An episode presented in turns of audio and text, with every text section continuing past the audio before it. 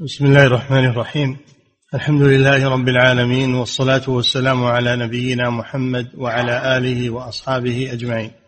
أما بعد قال المؤلف رحمه الله تعالى ودخل في ذلك الإيمان بأنه قريب من خلقه كما قال سبحانه وتعالى وإذا سألك عبادي عني فإني قريب أجيب دعوة الداعي إذا دعان. بسم الله الرحمن الرحيم. الحمد لله. صلى الله وسلم على نبينا محمد وعلى آله وأصحابه. ومن اهتدى بهداه دخل في العقيدة الصحيحة اعتقاد أن الله قريب من خلقه. الله جل وعلا فوق سماواته مستو على عرشه ومع ذلك فهو قريب من خلقه يسمعهم ويراهم ويعلم أحوالهم. لا يخفى عليه شيء مع أنه في السماء فوق السماوات فهو قريب في علوه سبحانه وتعالى قربا يليق بجلاله قربا يليق بجلاله سبحانه وتعالى. فلا يقال إذا كان فوق سماواته السماوات معلوم ارتفاعها ومعلوم تباعدها آلاف السنين. فكيف يكون قريبا من خلقه؟ نقول نعم هو قريب من خلقه سبحانه.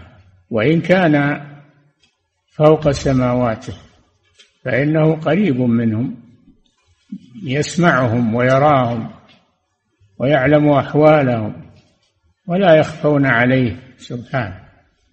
إن الله لا يخفى عليه شيء في الأرض ولا في السماء. وإذا سألك عبادي عني فإني قريب. أجيب دعوة الداعي إذا دعا.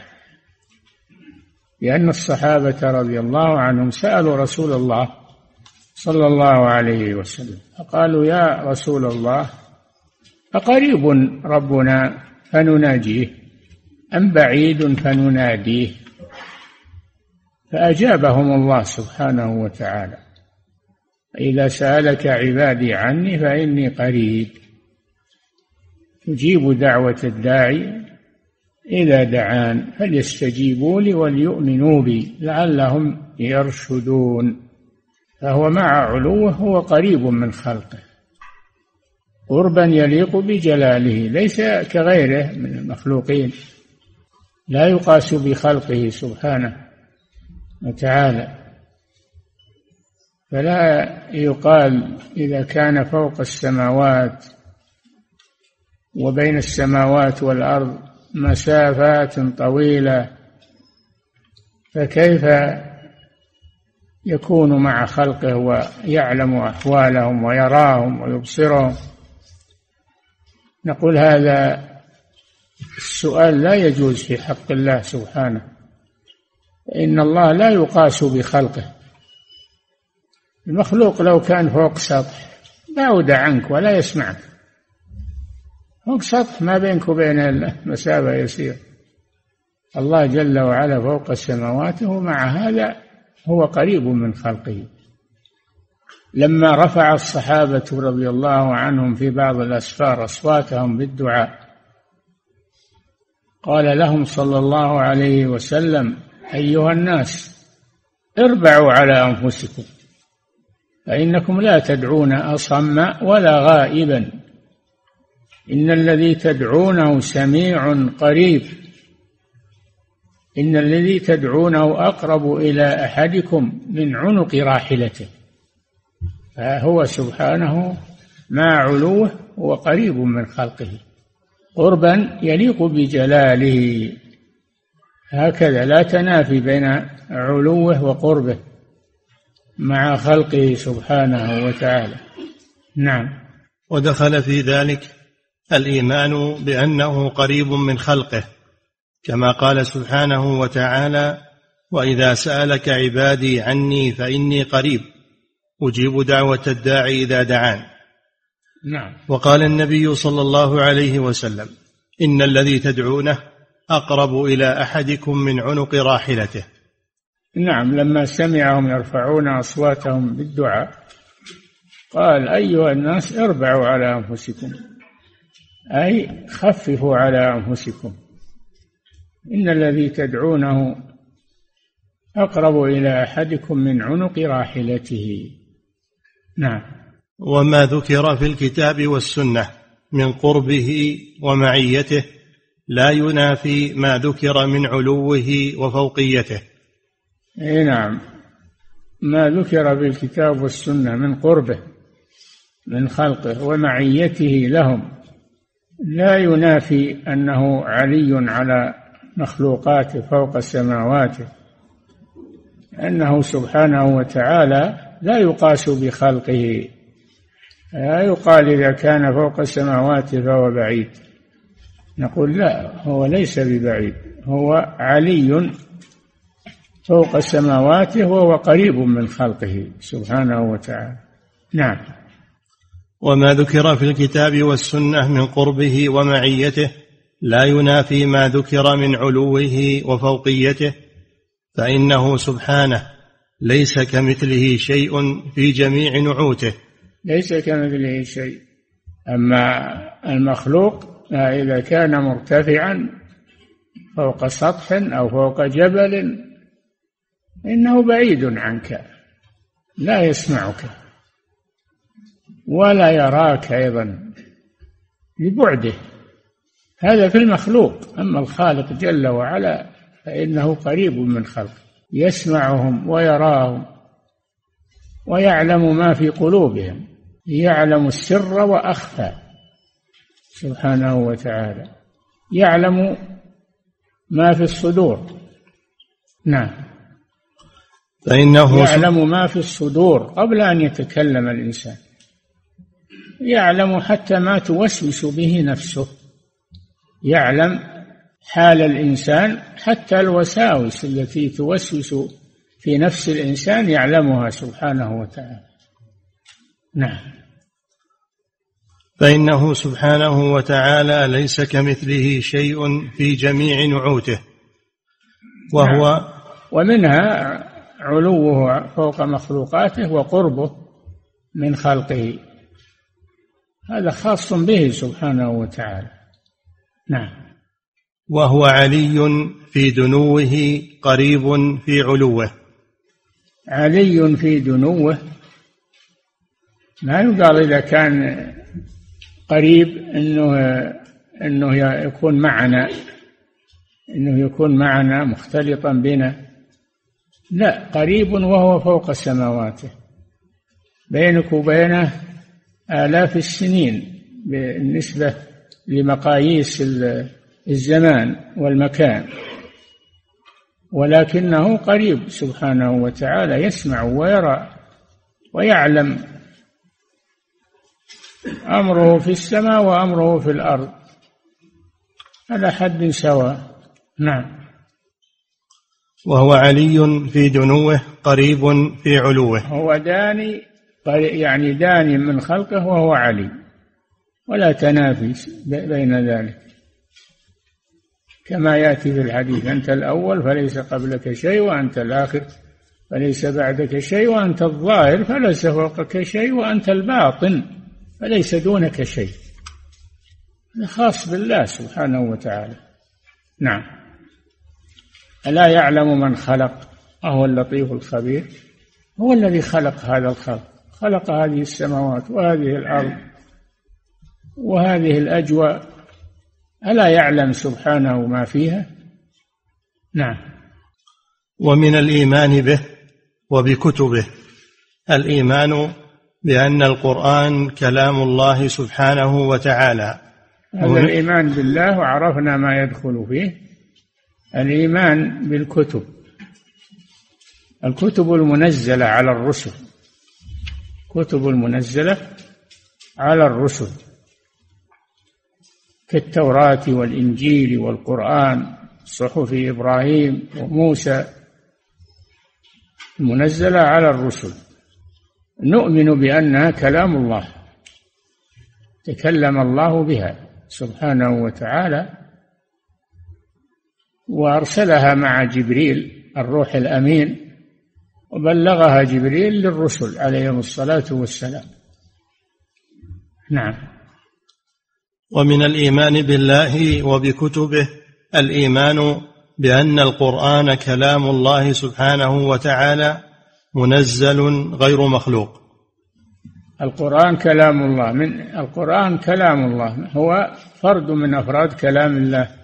سبحانه وتعالى. تكلم الله به تكلم الله به وسمعه جبريل عليه السلام وتحمله من الله ونزل به نزل به الروح الأمين من جبريل على محمد صلى الله عليه وسلم. محمد عليه الصلاة والسلام وعاه وحفظه وبلغه لأمته. نعم.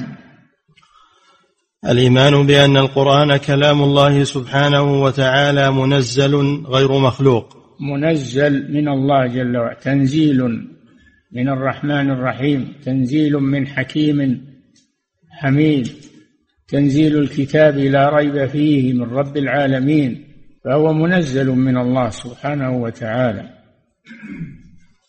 غير مخلوق هذا رد على الجهمية. والمعتزلة الذين يقولون القرآن وسائر كلام الله مخلوق. خلقه الله إما باللوح المحفوظ وإما خلقه في جبريل أو خلقه في محمد صلى الله عليه وسلم وكذبوا في هذا وقالوا على الله ما لا يعلمون. القرآن غير مخلوق منزل. الله ما قال إنه مخلوق قال منزل تنزيل. نزل به الروح الأمين غير مخلوق. هذا رد على الجهمية والمعتزلة والأشاعرة والماتريدية يقولون إنه حكاية عن كلام الله. حكاية عن كلام الله. الله عنده الكلام النفسي يثبتون الكلام النفسي لله. سبحانه وتعالى ولا يثبتون الكلام الحسي وإنما يثبتون الكلام النفسي. حكاه جبريل أو حكاه محمد هكذا تقول الأشاعرة. والأشاعرة مشتقون من المعتزلة هم تلاميذهم. والفرق في العبارة فقط. وهم يجحدون أن القرآن كلام الله حقيقة. كلام الله حقيقة. نعم. القرآن كلام الله سبحانه وتعالى منزل غير مخلوق منه بدأ وإليه يعود. منه بدأ من الله جل وعلا بدأ تكلم الله به وأنزله على رسوله. أو على رسله. ثم يوم في آخر الزمان عند قيام الساعة يرفعه الله إليه. منه بدأ أي نزل وإليه يعود في آخر الزمان. يسرى به من من الصدور ومن المصاحف. ألا يبقى له وجود بين الناس عند قيام الساعة. هذا معنى إليه. يعود. نعم. وأن الله تكلم به حقيقة. تكلم الله به حقيقة. لا مجازا كما يقولون. حقيقة. تكلم الله به كلاما يليق بجلاله. سمعه جبريل. وجبريل بلغه لمحمد صلى الله عليه وسلم. محمد بلغه لأمته. أمة محمد تناقلته جيلا بعد جيل وهو كلام الله سبحانه وتعالى بين أيدينا. كلام الله بين أيدينا في المصحف الشريف وفي الصدور في اللوح المحفوظ. نعم. وأن الله تكلم به حقيقة وأن هذا القرآن الذي أنزله الله على نبيه محمد صلى الله عليه وسلم هو كلام الله حقيقة لا كلام غيره. كلام الله حقيقة لا مجازا ولا كلام غيره من جبريل أو محمد إنما هو كلام الله حقيقة تكلم الله به. وحمله جبريل ونزل به جبريل على محمد صلى الله عليه وسلم. وإنه لتنزيل رب العالمين. نزل به الروح الأمين على قلبك يعني محمد صلى الله عليه وسلم لتكون من المنذرين بلسان عربي مبين. هذا القرآن هذا القرآن العظيم الذي أنزله الله وهو بين أيدينا حجة علينا أو حجة لنا. قال صلى الله عليه وسلم والقرآن حجة لك أو عليك. إن إن عملت به صار حجة لك عند الله. تدخل به الجنة. وإن أعرضت عنه حملته وحفظته بالقراءات العشر أو العشرين أو المئة وجودته وحذقته فإن هذا لا يكفي حتى تعمل به تعتقده. وتعمل به وتبلغه للناس. ما هي المسألة بس تقول إنه كلام الله بس ينتهي الأمر؟ ما يكفي هذا. لا بد من تحمله ولا بد من آه، تبليغه للناس. أنت إذا تأملت حال محمد صلى الله عليه وسلم وهو رجل أمي لا يقرأ ولا يكتب أمي. ما هو يقرأ ولا يكتب عليه الصلاة والسلام. وبلغنا هذا القرآن العظيم المعجز. هذا آية دليل على أنه من الله وليس من مخلوق ليس من مخلوق. وكيف هذا الرجل الأمي يقول هذا الكلام العظيم الذي لو أنزل على جبل لرأيته خاشعا متصدعا من خشية الله؟ نعم. ولا يجوز إطلاق القول بأنه حكاية عن كلام الله أو عبارة عنه. كما تقوله الأشاعرة. يقولون الله يوصف بالكلام النفسي وأما هذا القرآن فهو حكاية حكاه جبريل أو حكاه محمد حكاية عن, عن الكلام النفسي أو عبارة عن الكلام النفسي. هذا كلام باطل. هو كلام الله حقيقة ليس حكاية. ولا عبارة وإنما هو كلام الله ألفاظه حروفه ومعانيه. ليس كلام الله الحروف دون المعاني ولا المعاني دون الحروف بل كله كلام الله بمعناه وحروفه وأصواته. كلام الله سبحانه وتعالى. نعم. ولا يجوز إطلاق القول بأنه حكاية تأملت هذا القرآن العجيب هذا القرآن العجيب المنسجم الحلو الطيب الذي لا تمل من سماعه. تقول كيف يقال إن إنه من كلام محمد؟ وهو رجل أمي. لا يقرأ ولا يكتب ولا تعلم في المدارس ولا إلا أن الله جل وعلا أوحاه إليه بواسطة جبريل وبلغه لأمته. عليه الصلاة والسلام. نعم.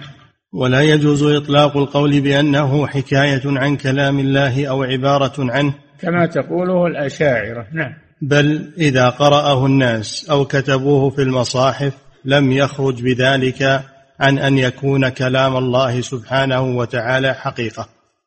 نعم هو كلام الله سواء كتب في في المصاحف أو في أو في الألواح. أو قرئ عن ظهر قلب هو كلام الله سبحانه وتعالى. نعم. لم يخرج بذلك عن أن يكون كلام الله سبحانه وتعالى حقيقة فإن الكلام إنما يضاف حقيقة إلى من تكلم به مبتدئا لا إلى من قاله مبلغا مؤديا. الله قال جل وعلا قال إنه لقول رسول كريم. إنه لقول رسول كريم. الرسول يشمل جبريل ويشمل محمد صلى الله عليه وسلم كلهم رسل. الرسول جبريل هذا رسول ملكي ومحمد صلى الله عليه وسلم رسول بشري. والقرآن جاءنا عن طريقهم بلغوه وهو كلام الله ليس كلامهم. الكلام يقال إلى ما ينسب إلى من قاله مبتدئا. لا إلى من قاله مبلغا مؤديا. فمعنى قوله إنه لقول رسول كريم يعني أن الرسول بلغه. الرسول بلغه. بلاغ الرسول تحمله وبلغه. وهو كلام الله جل وعلا. والكلام سواء القرآن أو غيره إنما ينسب إلى من قاله مبتدئا. فأنت لو لو أوصيت شخصا برسالة شفهية يبلغها إلى من تريد وذهب وبلغها. الكلام هذا يقال إنه كلام المندوب أو لا هذا كلام المرسل. كلام المرسل الذي ندب هذا الشخص وهذا إنما هو واسطة بينك وبينه بلغك إياه. الكلام ينسب إلى من قاله مبتدئا. لا إلى من قاله مبلغا مؤديا. نعم. وإلا لو كان الكلام ينسب إلى من قاله مبلغا ينسب نسبة حقيقية لصار كذبا على الله سبحانه وتعالى. نعم. كيف يقال كلام الله وهو كلام جبريل أو كلام محمد؟ إنما جبريل ومحمد مبلغان عن الله والكلام لله سبحانه وتعالى وهؤلاء إنما تحملوه وبلغوه. نعم. وهو كلام الله حروفه ومعانيه.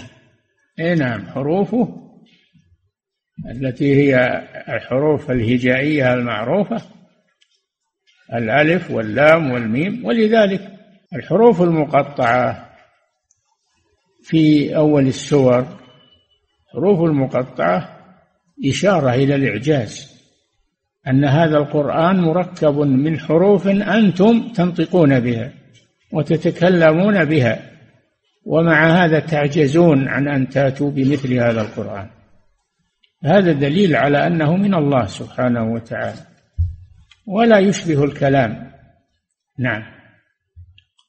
وهو كلام الله حروفه ومعانيه. ليس كلام الله الحروف دون المعاني ولا المعاني دون الحروف. نعم الحروف مرتبطة بالمعاني. لا لا لا يفصل بينهما. نعم. وقد دخل أيضا فيما ذكرناه من الإيمان بالله وبكتبه ورسله. الإيمان بأن المؤمنين يرونه يوم القيامة. انتهى من موضوع الكلام كلام الله سبحانه وتعالى. انتقل إلى مسألة الرؤية. الله جل وعلا في هذه الدنيا لا يرى. لا يرى في هذه الدنيا لأن الأجسام لا تتحمل رؤية الله سبحانه وتعالى لأنها ضعيفة. ما تتحمل رؤية الله. ولهذا لما سأل موسى الكليم ربه قال ربي أرني أنظر إليك. قال لن تراني يعني في الدنيا. ولكن انظر إلى الجبل عنده جبل أصم صلب انظر إلى الجبل فإن استقر مكانه فسوف تراني. فلما تجلى ربه للجبل جعله دكا صار الجبل ترابا. من عظمة الله سبحانه وتعالى. وخر موسى صاعقا خر موسى صاعقا مغشيا عليه من شدة الهول.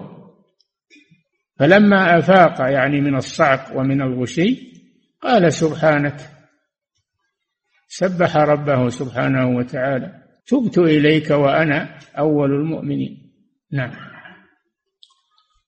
وقد دخل أيضا فيما ذكرناه من الإيمان بالله وبكتبه ورسله الإيمان بأن المؤمنين يرونه يوم القيامة عيانا. أما في الدنيا فلا أحد يرى الله لأن الله عظيم ما يرى في الدنيا. ولا يستطيع أحد أن يرى الله في الدنيا. لضعف الأجسام والمدارك عن رؤية الله لكن في الآخرة يعطيهم الله قوة.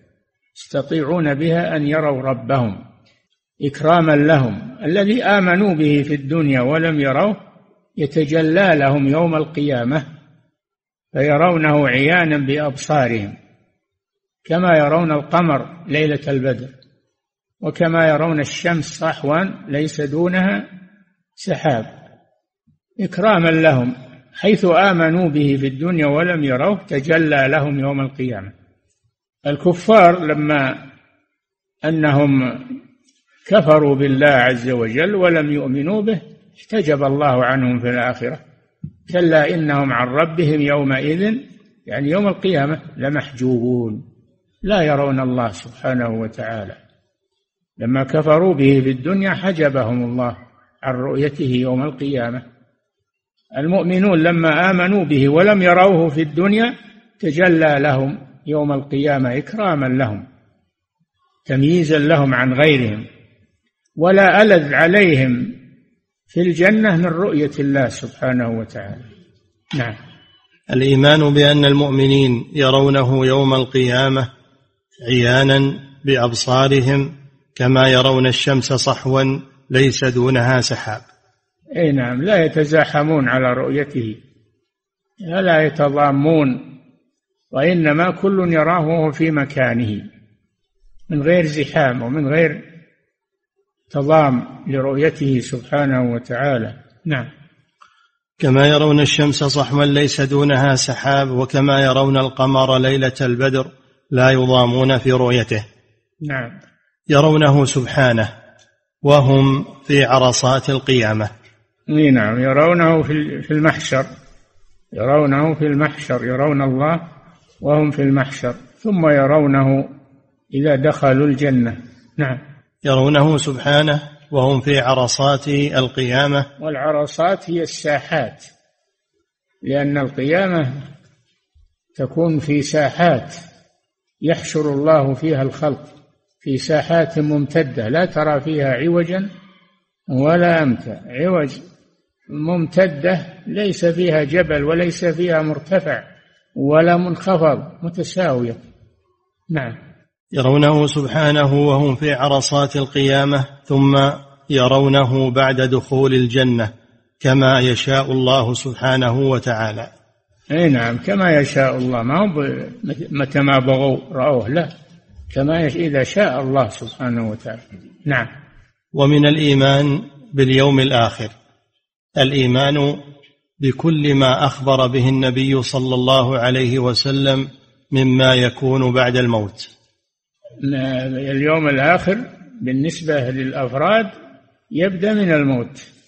إذا مات الإنسان غادر الحياة الدنيا ودخل في الآخرة.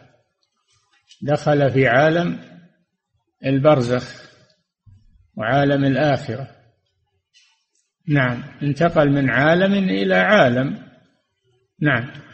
الإيمان بكل ما أخبر به النبي صلى الله عليه وسلم مما يكون بعد الموت. مما يكون بعد الموت من عذاب القبر ونعيمه ومن البعث والحشر والنشور والحساب ووزن الأعمال والمرور على الصراط ودخول الجنة أو دخول النار كل هذا يكون يوم القيامة. نعم. مما يكون بعد الموت فيؤمنون بفتنة القبر. فتنة القبر لأن لأن الإنسان إذا أدخل قبره وتولى عنه الناس منصرفين بعد دفنه وإنه ليسمع قرع نعالهم يأتيه ملكان في قبره. فيه ملكان يقال لأحدهما منكر والآخر النكير. فيقعدانه يقعدانه في قبره. تعاد روحه في جسده ويقعدونه ثم يسألونه من ربك؟ ما دينك؟ من نبيك؟ فإن أجاب بجواب صحيح نجا وفسح له في قبره ونور له فيه وآتاه من روح الجنة وريحها. وإن لم يجب وتلكى وعجز عن الجواب فإنه يضيق عليه في قبره حتى تختلف أضلاعه والعياذ بالله ويأتيه من لهب النار وحرها وسمومها وهذا عذاب القبر. الأول نعيم القبر وهذا عذاب القبر. الإنسان في قبره إما منعم وإما معذب. نعم. فيؤمنون بفتنة القبر وبعذاب القبر ونعيمه فأما الفتنة فإن الناس يفتنون في قبورهم. يفتنون يعني يختبرون. الفتنة هي الاختبار. نعم.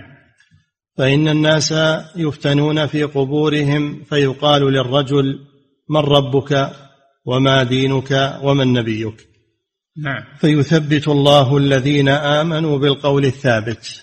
فيقول المؤمن الله ربي والإسلام ديني ومحمد النبي. وأما المرتاب فيقول ها ها لا أدري. سمعت الناس يقولون شيئا فقلته.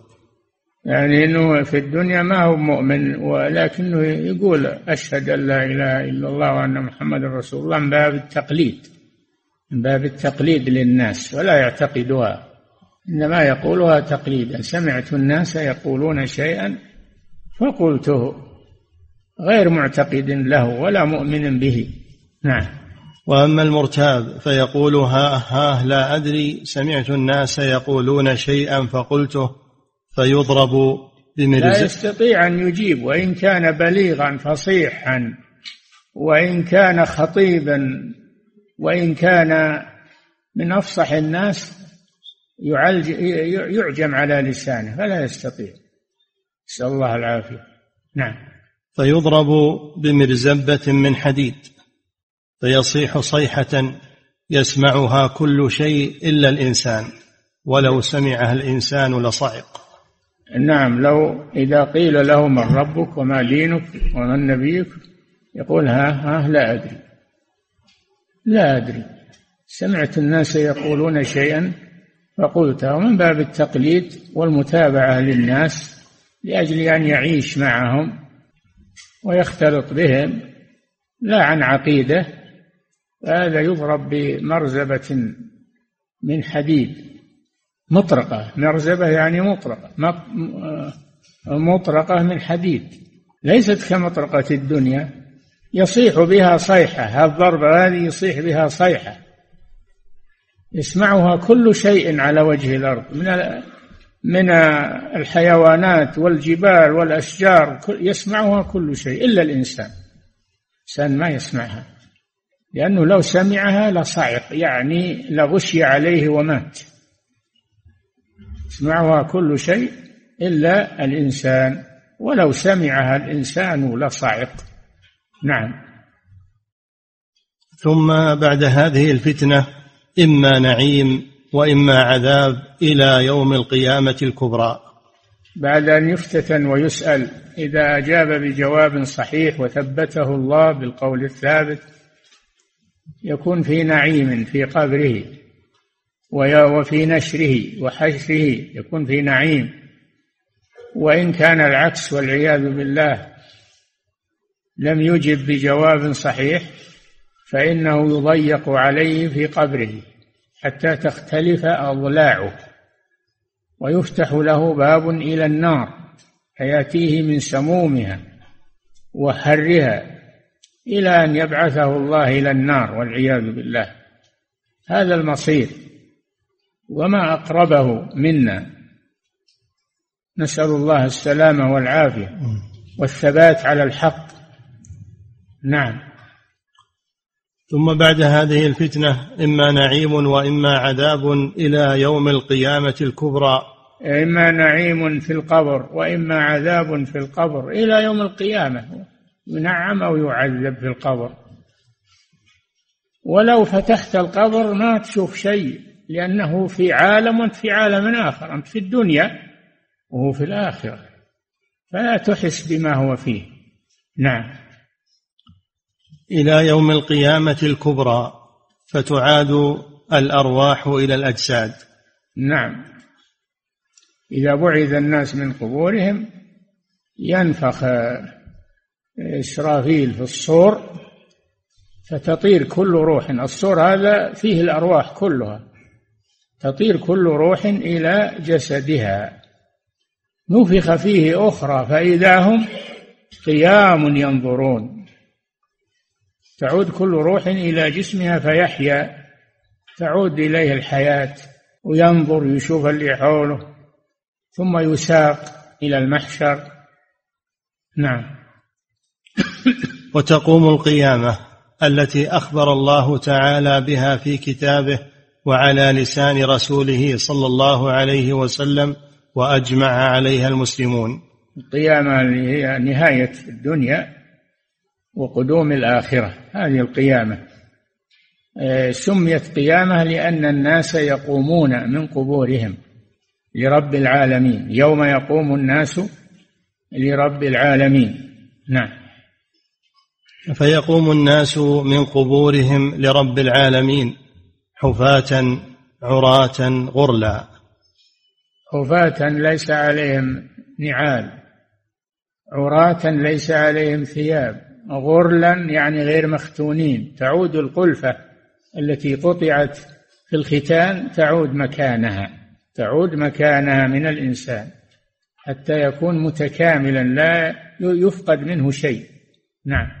وتدنو منهم الشمس ويلجمهم العرق تدنو منهم الشمس وهم في المحشر. تدنو منهم على فوق رؤوسهم. ويصيبهم حرها ويعرقون عرقا شديدا. منهم من يكون عرقه يغطي رجليه قدميه ومنهم من يرتفع ومنهم من يلجمه العرق الجامع. والعياذ بالله من شدة الحر لأن الشمس قريبة منهم والموقف طويل خمسين ألف سنة وهم واقفون على أقدامهم في المحشر. تدنو منهم الشمس. أما المؤمنون فيكونون في ظلال. المؤمنون يكونون في ظلال. إن المتقين في ظلال وعيون وفواكه مما يشتهون. نعم. وتنصب الموازين. موازين الأعمال. موازين حسية. موازين حسية. لها لها كفتان. كل ميزان له كفتان. توزن فيه الحسنات والسيئات. من ثقلت موازينه فأولئك هم المفلحون. ومن خفت موازينه أولئك الذين خسروا أنفسهم في جهنم خالدون. عدل من الله سبحانه وتعالى. مالك إلا عملك لا يغنيك عمل فلان ولا عمل فلان. ولا حد يعطيك من حسناته. كل واحد يخاف على نفسه. مشغول بنفسه يوم يفر المرء من أخيه وأمه وأبيه وصاحبته وبنيه. لماذا قدم الأخ؟ لأن الأخ يعتزي بأخيه في الدنيا يعينه أخوه يدفع عنه أخوه لكن في الآخرة ما ما يتبرأ منه لأنه مشغول. كل مشغول بنفسه. نعم. وتنصب الموازين فيوزن فيها أعمال العباد.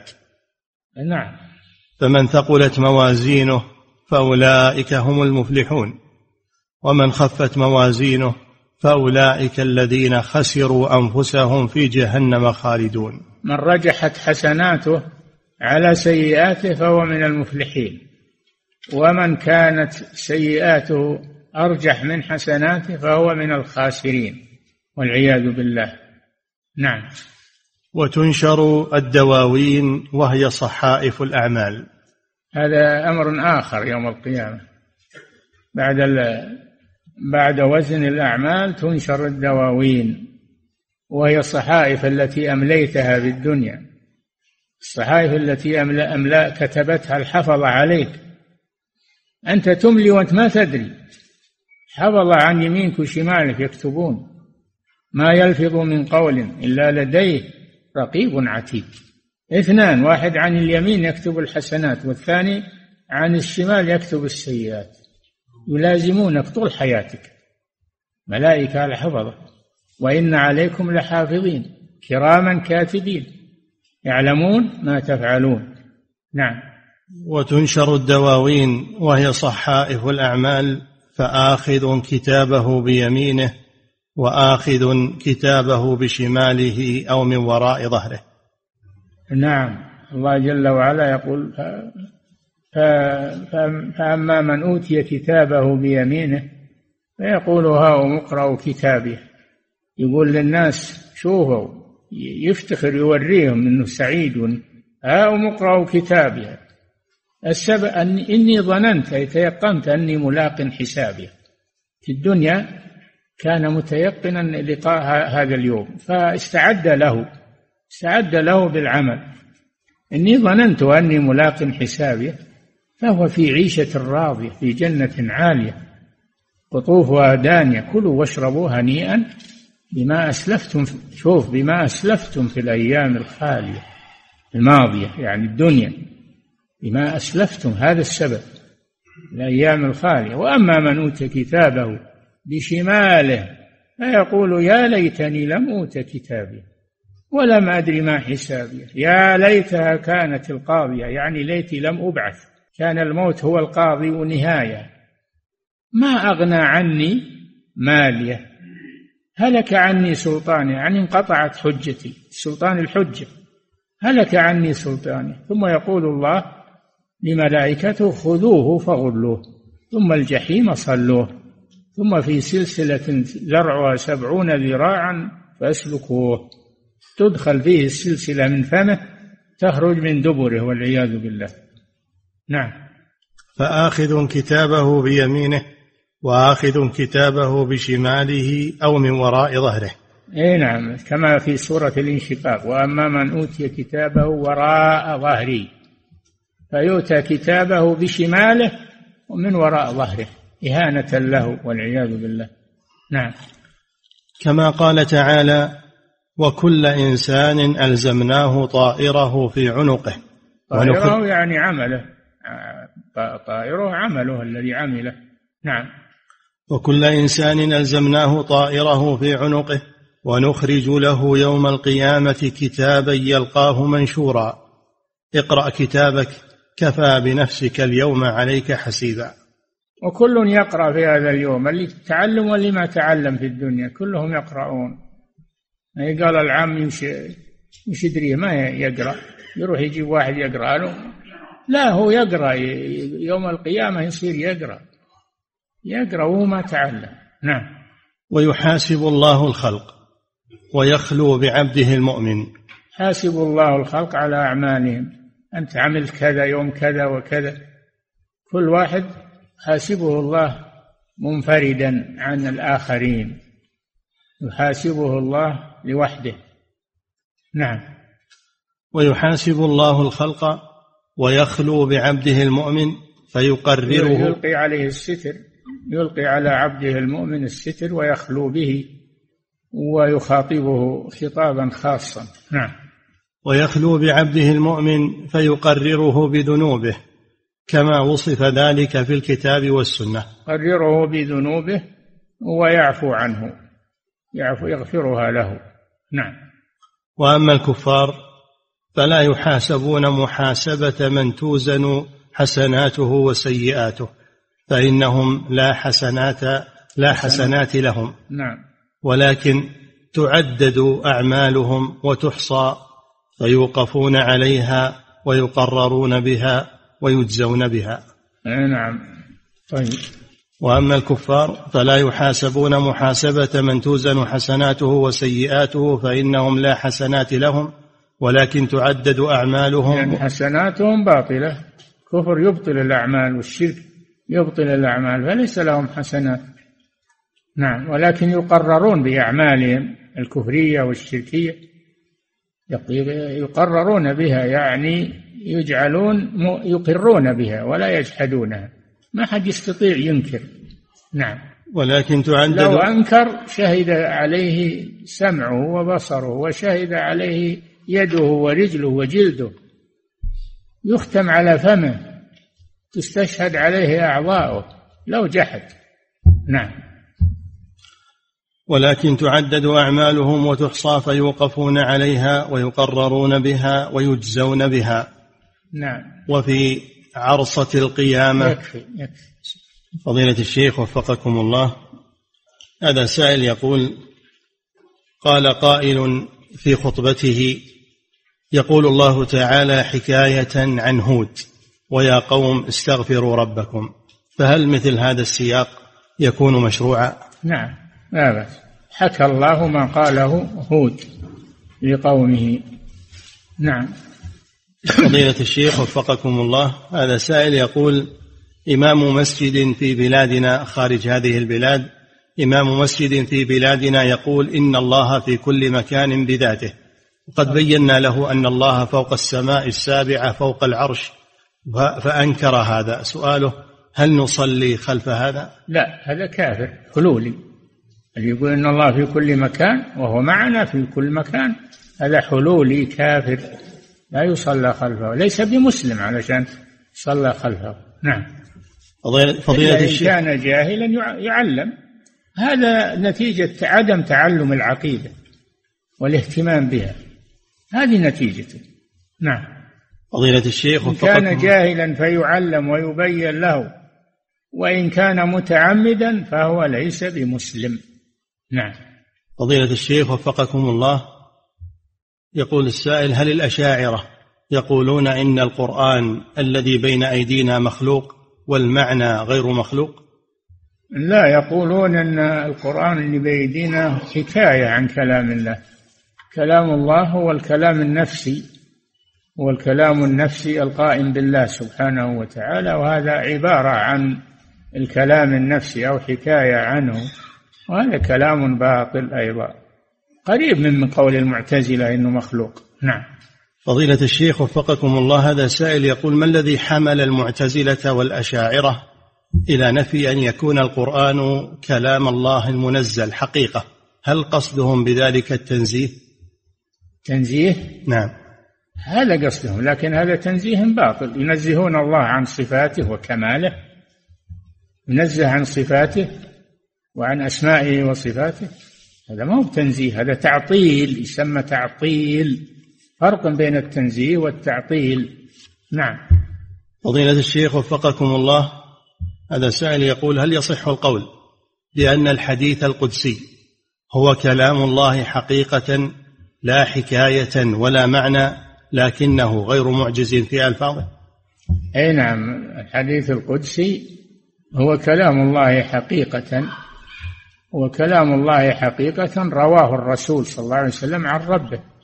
رواه الرسول عن ربه وبلغه لأمته لكن لا يأخذ أحكام القرآن من حيث عدم اللمس إلا على طهارة وعدم ما يأخذ أحكام القرآن وهو كلام الله. نعم. فضيلة الشيخ وفقكم الله هذا سائل يقول من لو ولا يلزم أن يكون متواترا القرآن متواتر. حديث القدسي قد يكون متواترا وقد يكون آحادا قد يكون مشهورا أو عزيزا أو غريبا. نعم. فضيلة الشيخ وفقكم الله هذا سائل يقول ما اللوازم الباطلة التي تنشأ من القول بخلق القرآن؟ اللوازم الباطلة الكفر. الكفر كفر والعياذ بالله. يجحد كلام الله عز وجل ويصف الله لأنه لا يتكلم يقال من باب النكتة إن إن رجلا من هؤلاء المعطلة أنه سأل رجلا حنبليا على عقيدة الإمام أحمد. فقال له يا حنبلي ماذا تقول لربك يوم القيامة إذا قال لك من أين أخذت أنني أتكلم؟ قال الحنبلي أقول أنت هل أنت تتكلم يا ربي؟ فخصمه. نعم. فضيلة الشيخ وفقكم الله هذا سائل يقول ما تفسير قول الله سبحانه ولو أن ما في الأرض من شجرة أقلام والبحر يمده من بعده سبعة أبحر ما نفدت كلمات الله كلمات الله التي يتكلم بها في الأمر والنهي والخلق والتدبير تدبير الكائنات كلام الكوني كلمات الله الكونية التي يأمر بها الكائنات والمخلوقات. وينهى بها سبحانه وتعالى. ما ينفذ هذا؟ نعم. فضيلة الشيخ وفقكم الله هذا سائل يقول هل يشرع تلقين الميت بعد دفنه؟ فيقال يا فلان قل ربي الله نبي محمد ديني الإسلام. وهل ورد في ذلك دليل لمن قاله؟ نعم ورد في حديث لكنه غير ثابت. غير ثابت ولا يعمل به. ما يعمل به. الميت بعد موته ما ما يمكن تلقينه ولا يسمع. نعم. والحديث غير ثابت. نعم. وإن كان بعض العلماء يقويه لكنه غير ثابت. نعم. فضيلة الشيخ وفقكم الله هذا سائل يقول جاء في الحديث سبعة يظلهم الله في ظله. في رواية سبعة يظلهم الله في ظل عرشه. هل تحمل الرواية الأولى على الثانية؟ لا الله له ظل والعرش له ظل. ما, ما يحمل الرواية الأولى على الثانية. نعم. فضيلة الشيخ وفقكم الله هذا سائل يقول هل صحيح أن طه وياسين ليست من الحروف المقطعة وإنما هي اسم أو أسماء للنبي صلى الله عليه وسلم؟ هذا كلام العوام والجهال إلا هي حروف مقطعة. طه طاء هاء ياسين يا سين وليست أسماء. ولا لكن العوام يسمون به ياسين طه يا ما يدرون. حروف مقطعة هذه. نعم. فضيلة الشيخ وفقكم الله هذا سائل يقول هل يمكن أن يقال بأن الله سبحانه وتعالى يرى في الدنيا في المنام؟ نعم. يمكن يرى في المنام. لمن يعرف صفات الله عز وجل يؤمن به يمكن. نعم. فضيلة الشيخ وفقكم الله. رآه النبي صلى الله عليه وسلم في المنام. نعم. فضيلة الشيخ وفقكم الله هذا السائل يقول الإمام أحمد. الإمام أحمد رواه في المنام. نعم. فضيلة الشيخ وفقكم الله هذا السائل يقول عندما يرى المسلمون ربهم عز وجل في الجنة هل يرونه مرة واحدة فقط ثم يحجبون أو مرات عديدة؟ مرات عديدة. ويزورونه كما في الحديث في كل يوم جمعة من من أيام الدنيا يزورون الجبار سبحانه ويرونه ويتكلم يكلمهم. نعم. هذا يوم المزيد. ولدينا مزيد. لدينا لهم ما يشاءون فيها ولدينا مزيد. وهي الرؤية. للذين أحسنوا الحسنى يعني الجنة وزيادة على الجنة. وزيادة هي رؤية الله سبحانه وتعالى. نعم. فضيلة الشيخ وفقكم الله. هذا سائل يقول عندما يموت الإنسان فإنه يبلى جسده في قبره. يقول أين الأجساد التي تعود إليها الأرواح عند النفخ؟ تعاد يعاد التراب جسما. التراب الذي تحلل من الإنسان يعاد كما كان يبنى كما كان من ترابه. الله على كل شيء قدير. نعم. فضيلة الشيخ وفقكم الله مسألة هل في القرآن مجاز؟ يقول ما الراجح فيها؟ القرآن ليس فيه مجاز. القرآن حقيقة كله ليس فيه مجاز. أما كلام العرب يكون فيه حقيقة وفيه مجاز. نعم. فضيلة الشيخ. ولشيخنا الشيخ محمد الأمين الشنقيطي رسالة في هذا. رسالة في إن أنه ليس في القرآن مجاز وهو قول شيخ الإسلام ابن تيمية ليس في القرآن مجاز بل كله حقيقة. وإنما المجاز في لغة العرب. نعم. فضيلة الشيخ وفقكم الله رؤية الله سبحانه وتعالى في عرصات القيامة هل هي خاصة بالمؤمنين أو هي عامة للناس كلهم؟ لا هي رؤية الله العرصات. قد يروه الكفار في العرصات. لكن ليست رؤية إكرام إنما هي رؤية تهديد و وبيان أن الذي جحدوه في الدنيا أنهم يرونه حقيقة سبحانه وتعالى ليست رؤية إكرام وإنما هي إقامة حجة عليهم. نعم. فضيلة الشيخ وفقكم الله هذا سائل يقول من تساوت حسناته وسيئاته؟ هل يكون من أصحاب الجنة أم من أصحاب النار؟ هذول أصحاب الأعراف أصحاب الأعراف الذين تساوت حسناتهم وسيئاتهم. نعم يسيرون على أعراف على جبل بين الجنة والنار. نعم. فضيلة الشيخ وفقكم الله هذا سائل يقول عندي في العمل زملاء من النصارى والبوذيين. يقول وأحيانا عندما يأتي عيد الأضحى وعيد الفطر يهنوننا بهذا العيد. سؤاله هل يجوز لي أن أبادلهم التهنئة بأعيادهم حتى أرغبهم في ديننا؟ أولا ليش تجيب الكفار في بلاد المسلمين؟ ما ما في عمال مسلمون. هات مسلمون لا تجيب كفار. إلى بلاد المسلمين. وتسأل هل تهنيهم وما تهنيهم. سبيبهم. أبعدهم عنك وعن عملك. اجعل المصلحة في يد إخوانك المسلمين العمال المسلمين. نعم. فضيلة الشيخ وفقكم الله جاء في الحديث أن النبي صلى الله عليه وسلم كان يقول يا حي يا قيوم برحمتك أستغيث. يقول هل هذا من من باب دعاء الصفة؟ لا برحمتك الباء سببية؟ يتوسل بصفته إليه سبحانه.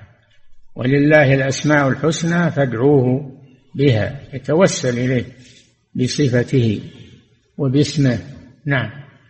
فضيلة الشيخ وفقكم الله هذا سائل يقول لو تزاحم على رجل بين أن يصلي داخل المقبرة في الوقت أو يصلي خارجها ويخرج عليه الوقت. فماذا يصنع؟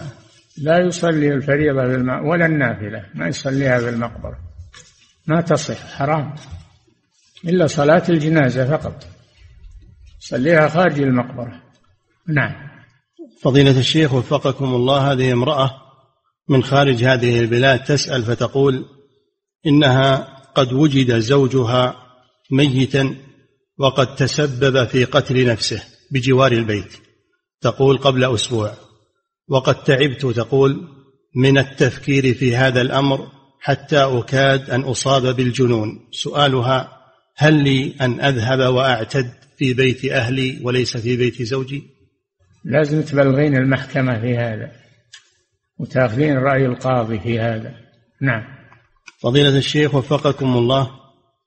هذا سائل يقول نريد منكم حفظكم الله نصيحة للمسلمين في زمن الفتن وانتشار هذه الأجهزة أجهزة التواصل الاجتماعي التي كثرت. يجتنبها المسلم وطالب العلم يجتنبها لا ينظر فيها ولا ينشغل بها. يبتعد عنها والحمد لله. تشوش عليه وقد تدخل عليه الشكوك وتدخل عليه وقد تدخل عليه العقائد الباطلة. فلا ينظر فيها ولا يقرب منها. يبتعد عنها ويبعدها عن بيته وعن أولاده. هذه خطر. نعم. فضيلة الشيخ وفقكم الله هذا سائل يقول عندنا في المقبرة لمبات وضعتها البلدية وعندما يكون هناك دفن بالليل يشغلونها وإذا انتهى الدفن أطفئت الأنوار. هل يجوز هذا العمل؟ صادر فيها فتوى صادر فيها فتوى يجعل يجعل أفياش بالجدار سور المقبرة وتشبك به هذه الأسلاك لقدر الحاجة ثم إذا فرغوا من الدفن يفصلونها. هذا فيه فتوى. نعم. فضيلة الشيخ وفقكم الله هذا سائل من خارج هذه البلاد يقول عندنا داعية في بلادنا يجوز دعاء أصحاب القبور والحلف بغير الله ويعتقد بأن تراب قبر الولي يشفي من الأمراض وأن الله ليس في السماء إلى آخر ذلك. يقول ثم قام داعية سلفي فقال بأن هذا داعية إلى الشرك. سؤاله هل هذا الوصف مطابق لما ذكر؟ نعم. ما دام يدعو إلى التوسل بالأموات و طلب الشفاعة أو منهم أو المدد أو هذا مشرك. يجب التحذير منه. نعم. فضيلة الشيخ وفقكم الله هذا سائل يقول هل هناك عقوبة لمن حفظ القرآن ثم نسيه بعد ذلك؟ لا ما هنا عقوبة لكنه النسيان قد يكون سببه بغير اختياره قد يكون مرض شيء أصابه بغير اختياره. نعم. فضيلة الشيخ وفقكم الله هذا سائل من خارج هذه البلاد يقول إن في جسمه وشما ويريد الحج فهل تجوز عمرته أو هل يجوز حجه والوشم عليه أم لا بد من إزالته؟ إن استطاع أن يزيله يزيله. لو ما هو بحاج ولا معتمر يزيله. وإن لم يستطع آه، فإنه يتركه ولا يمنع من الحج والعمرة والأعمال الصالحة. نعم. فضيلة الشيخ وفقكم الله هذه امرأة تسأل فتقول هل يجوز لها أن تجمع بين الصلاتين حيث إنها مريضة بالسكر وعندها جرح بركبتها وعندما تتحرك يسيل هذا الجرح؟ هل لها أن تجمع بين الصلاتين؟ نعم إذا احتاجت هذه مريضة. إذا احتاجت إلى الجمع تجمع. كان الجمع أرفق بها تجمع المرضى يجوز لهم الجمع إذا احتاجوا إليه. نعم. فضيلة الشيخ وفقكم الله هذا سائل يقول من طلبت منه الشهادة على شيء يعلمه لكن يخاف من الضرر إذا أدلى بهذه الشهادة هل يجوز له أن يكتم هذه الشهادة؟ إيه نعم إذا كان يخاف على الضرر أنه يلحق ضرر من المشهود عليهم فلا يشهد. ما يشهد هذا يجوز له كتمان الشهادة. حفاظا على نفسه من الضرر. نعم. فضيلة الشيخ وفقكم الله هذا سائل يقول يقول إن أباه مقصر في الصلاة.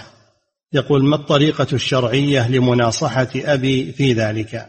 ناصح خوفه بالله مره بالصلاة وخوفه بالله وبين له حكم المتهاون بالصلاة وتارك الصلاة. لا تتركه. نعم.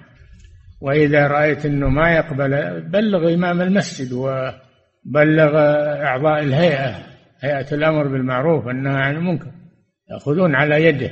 نعم. فضيلة الشيخ وفقكم الله. هذا شاب يسأل فيقول من كان يخشى على نفسه من الفتنة والشهوة وهو مريد للزواج لكنه لا يستطيع ذلك ماديا؟ يقول ما الواجب عليه حينئذ؟ الصوم. قال صلى الله عليه وسلم من استطاع منكم الباءة فليتزوج ومن لم يستطع فعليه بالصوم فإنه له وجاء. نعم. فضيلة الشيخ وفقكم الله هذا السائل يقول صاحب العسل هل تجب عليه الزكاة؟ الزكاة نعم العسل تجب فيه الزكاة إذا بلغ 140 رطل. تقريبا إذا كان ينتج عسل عنده مع يعني عنده آه، نحل عنده نحل وينتج العسل عليه زكاة العسل. وإن كان ما عنده آه، نحل ولا يربي النحل لكنه يبيع ويشري بالعسل يزكيه زكاة تجارة زكاة تجارة في قيمة ربع العشر. نعم. فضيلة الشيخ وفقكم الله هذا سائل من خارج هذه البلاد يقول عندنا مشايخ ودعاة كانوا على العقائد الباطلة ثم اهتدوا بفضل الله ثم بالاطلاع على كتب السلف الصالح. الحمد لله. علما بأن في بلدنا لا يوجد مشايخ وعلماء نتوارث العلم منهم ولا يستطيعون السفر في طلب العلم لظروفهم المادية. سؤاله هل هؤلاء على طريقة السلف الصالح فلا بأس أن نأخذ العلم منهم. تقول الله لا لا تأخذون العلم منهم لكن هم قد يكونون معذورين لأنهم لا يستطيعون أكثر من هذا. اتقوا الله ما استطعتم وعليهم أن يتصلوا بأهل العلم بوسائل الاتصال وهي كثيرة اليوم ولله الحمد. الجوال تلفون مراسلة نعم. فضيلة الشيخ وفقكم الله هذا السائل يقول إذا وجدت عند أخي أو صديقي منكرا كالصور المحرمة أو غير ذلك هل يجوز لي أن أتلف هذا المنكر بيدي أم أن تغيير المنكر باليد خاص بالسلطان فقط؟ خاص بالسلطان ونواب السلطان رجال الله الإنكار باليد هذا لمن له سلطة منحه إياه ولي الأمر. أما الإنكار باللسان هذا آه، كل يستطيع أن ينكر بلسانه إذا كان عنده علم ومعرفة. يبين يبين للناس وينصح نعم. فضيلة الشيخ وفقكم الله. هذا سائل يقول إمام قرأ في الصلاة الجهرية بآية فيها سجدة ثم ركع مباشرة ولم يسجد للتلاوة. لكن بعض المأمومين ظنه قد سجد للتلاوة فسجدوا ولم يشعروا إلا وهو يقول سمع الله لمن حمده رافعا من ركوعه. سؤالهم هل يركعون مباشرة ويتابعون الإمام أم يأتون بركعة جديدة بعد سلام يركعون يركعون إذا تنبهوا يركعون ويلحقون بالإمام. يركعون ويلحقون بالإمام. نعم. فضيلة الشيخ وفقكم الله هذا السائل يقول شخص لا يحفظ التشهد الأخير هل له أن يقرأ التشهد من ورقة أمامه؟ حول ولا قوة إلا بالله ما يحفظ التشهد الأخير. يلقى أحد من إخوانه يحفظه إياه يلقى أحد يحفظه إياه يحتسب. نعم. فضيلة الشيخ وفقكم الله هذا سائل يقول بالنسبة لسجود التلاوة هل يجب أن يسجد المسلم على الأعضاء السبعة أو يجوز أن يضم بعض أصابعه لمسك المصحف وشده؟ نعم سجود التلاوة مثل سجود الصلاة كله سجود لابد على الأعضاء السبعة. كونه يمسك شيء بيده ما في مانع لكن يضع يده على على الأرض ما يرفعها عن الأرض يضعها وفيها المصحف. نعم. فضيلة الشيخ وفقكم الله هذا سائل من خارج هذه البلاد يقول جاري يرعى الخنازير. أكرمكم الله. سؤاله هل هناك مانع شرعا إذا أعطيته بقية طعامي ليطعم هذه الخنازير؟ لا أنت شجعته على أنكر عليه قل له اترك الخنازير. رجس. هذا الخنزير رجس كما قال الله سبحانه وتعالى أو لحم خنزير فإنه رجس. آه، انصحه يتجنب الخنازير. نعم. فضيلة الشيخ وفقكم الله هذا سائل يقول من كان عاقا لوالديه هل يجوز هجره بهذا السبب؟ ينصح ينصح قبل هذا فإن استجاب وكان في هجره ردع له يهجر. نعم. فضيلة الشيخ وفقكم الله هذا السائل يقول من صلى على كرسي فهل يجب عليه أن يقوم عند تكبيرة الإحرام؟ يجب عليه أن يقوم تكبيرة الإحرام والفاتحة قدر الفاتحة إذا كان يقدر. ثم يجلس بعد أن يقوم قدر قراءة الفاتحة. نعم. لأن القيام ركن من أركان الصلاة مع الاستطاعة. نعم. فضيلة الشيخ وفقكم الله هذا سائل يقول بالنسبة للتورك في الصلاة هل هو خاص بكل صلاة فيها تشهدان أو أن صلاة الفجر فيها تورك؟ هذه ذكرها ابن القيم في زاد المعاد يقول هل التورك يعني لكل تشهد بعده سلام أو التورك لكل صلاة فيها تشهدان فرقا بين التشهد الأول والأخير ما رجح شيء. أورد هذا ولا ولكن الأمر واسع في هذا. التورك سنة. وليس بواجب. نعم. فضيلة الشيخ وفقكم الله هذا سائل يقول المريض الذي لا يجد ترابا بجواره هل له أن يتيمم على الجدار أو على السرير؟ أي نعم اللي عليه غبار جدار وسادة فراش اللي عليه غبار يعلق باليد تيمم عليه الحمد لله. نعم. فضيلة الشيخ وفقكم الله هذا السائل يقول من نسي دعاء الاستفتاح في الصلاة فهل يسجد للسهو؟ يستحب يستحب. إذا نسي سنة يستحب أن يسجد سجود السهو وليس بواجب. نعم. فضيلة الشيخ وفقكم الله هذا سائل يقول إذا سئل المصلي عن شيء وهو في صلاته فأشار إشارة مفهومة دون كلام. فهل هذا الأمر جائز؟ نعم. لا بأس به. نعم. فضيلة الشيخ وفقكم الله وهذا سائل يسأل فيقول هل يجوز دفن المسلم في مقابر الكفار؟ لا أعوذ بالله. لا يجوز دفن المسلم في مقابر الكفار ولا الكافر في مقابر المسلمين. نعم.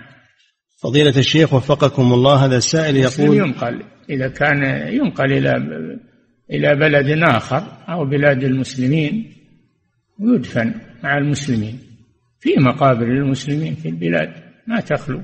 نعم. فضيلة الشيخ وفقكم الله هذا سائل يقول في قوله سبحانه وتعالى واسأل القرية هل هذا اللفظ على حقيقته؟ اي نعم. القرية ما هو بالمراد بها المباني المراد بها الاجتماع. تقري وهو الاجتماع. يقال قرية النمل. هل النمل له مباني؟ لا بس اجتماع النمل التجمعات يقال له يقال له قرية. نعم. أسأل القرية أي أهل القرية. نعم. فضيلة الشيخ هم قرية هم قرية. نعم. فضيلة الشيخ وفقكم الله هذا سائل يقول في الزكاة بالنسبة لسهم المؤلفة قلوبهم هل يجوز لكل مسلم أن يعطي بهذا السهم أو هو خاص بولي الأمر. خاص بولي الأمر. إعطاء المؤلفة قلوبهم خاص بولي الأمر. نعم. فضيلة الشيخ وفقكم الله هذا سائل يقول كثرة العبث والحركة في الصلاة هل هي مبطلة لها؟